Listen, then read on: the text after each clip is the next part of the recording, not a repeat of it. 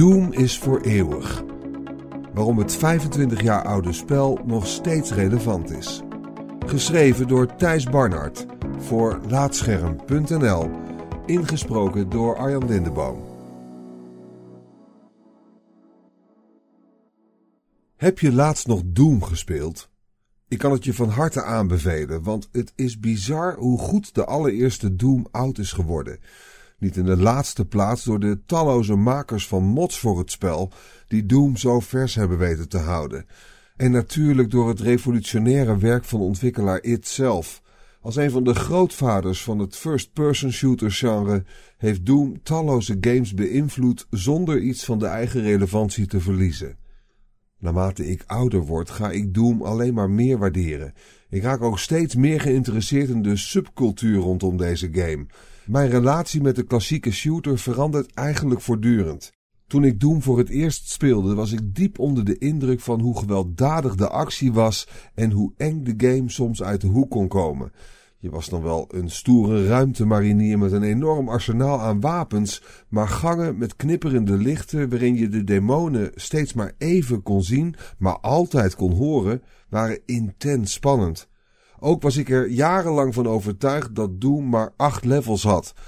Dat ik al die tijd de shareware-versie heb aangezien voor het complete spel, zegt veel over hoe fantastisch die eerste episode in elkaar steekt. Vergelijk de plattegrond van een gemiddeld level uit Doom maar eens met een level uit een moderne shooter. De Marsbasissen uit Doom hebben een doolhofachtige opzet die ervoor zorgt dat je regelmatig verdwaalt op zoek naar de juiste deur of keycard. Probeer maar eens de weg kwijt te raken in de singleplayer van een recente Call of Duty. Dat gaat je niet lukken. Doom moedigt dwalen door de levels alleen maar verder aan door nieuwsgierige spelers te belonen met geheime schakelaars die weer verborgen doorgangen openen. Doom's leveldesign zou door andere shooters best wat vaker geïmiteerd mogen worden. Minstens zo wonderlijk is hoe verschrikkelijk snel Doom voelt. Met een rotgang scheur je door de gangen van de buitenaardse levels terwijl je het vuur opent op allerlei demonisch gespuis. De snelheid waarmee je rent geeft je niet alleen maar het gevoel dat je onoverwinnelijk bent, je kunt hierdoor ook de vuurballen die op je afkomen ontwijken door snel naar links of rechts te bewegen.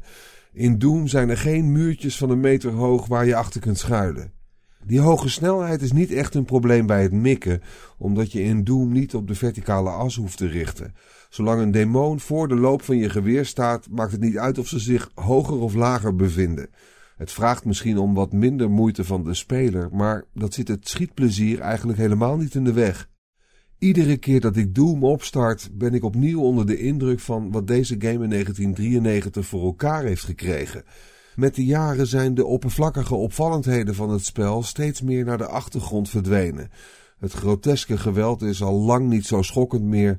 De demonische beeldenissen eerder grappig en de graphics die ooit baanbrekend waren, zijn vandaag de dag alleen nog verdienstelijk.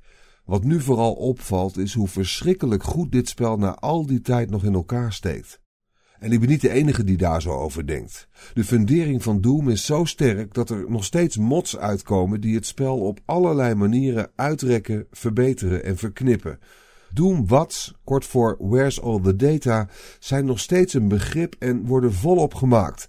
Zelfs John Romero, notabene een van de oorspronkelijke makers van de eerste Doom, brengt binnenkort een onofficiële vijfde episode uit met daarin flink wat nieuwe levels. Ik volg de wonderen wat-wereld via YouTuber Mr. Icarus, die er zijn niche van heeft gemaakt. Zijn hernieuwde fascinatie voor Doom vloeide voort uit onvrede over het spelontwerp van veel moderne games. Mr. Icarus raakte erdoor verveeld en besloot daarom zijn hel op een andere plek te zoeken, of beter gezegd, in een andere tijd.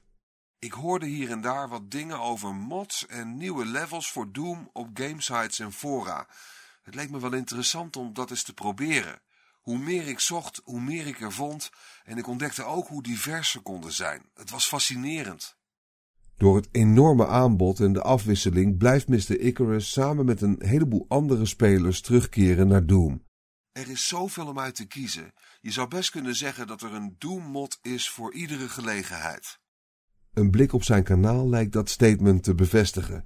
De ene mod past gigantische delen van het spel aan met nieuwe locaties en vijanden, waardoor het een compleet andere game wordt. De andere is een bizarre verzameling van nieuwe en bijzonder onhandige wapens. Een tandenborstel om de demonen mee neer te steken of een shotgun waarvan de kogels de eerste paar keer op de grond vallen voordat je eindelijk kan herladen. Ik ben dol op die veelzijdigheid en creativiteit, legt Mr. Icarus uit. Een getalenteerde groep mensen kan een klassieke FPS uit 1993 afstoffen om er allerlei nieuwe dingen mee te maken en het opnieuw te laten schitteren. Omdat Doom al zo lang meegaat, zijn modders steeds beter geworden en halen ze alle potentie uit de robuuste engine van de game. Er worden daarom nog steeds de meest wonderlijke creaties gemaakt.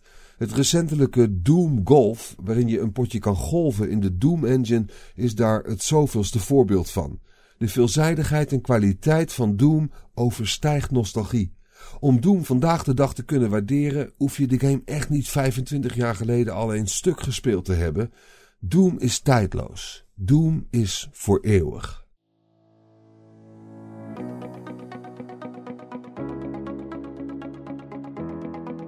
Dankjewel voor het luisteren naar deze aflevering van Laatscherm voorgelezen. Als je waardeert wat we hier doen, dan zouden we het leuk vinden als je iemand anders vertelt over Laatscherm.nl of een van onze verhalen deelt op social media. Laatscherm is ook te vinden via Spotify. Dat maakt het nog makkelijker om verhalen te beluisteren en te delen. Je kunt ook heel eenvoudig 5 sterren achterlaten in de podcast-app van Apple en eventueel een tekstje, waardoor we weer beter vindbaar worden voor anderen. Luister ook naar onze andere podcast, Praatscherm. En ga voor meer verhalen, geschreven of gesproken, naar laatscherm.nl.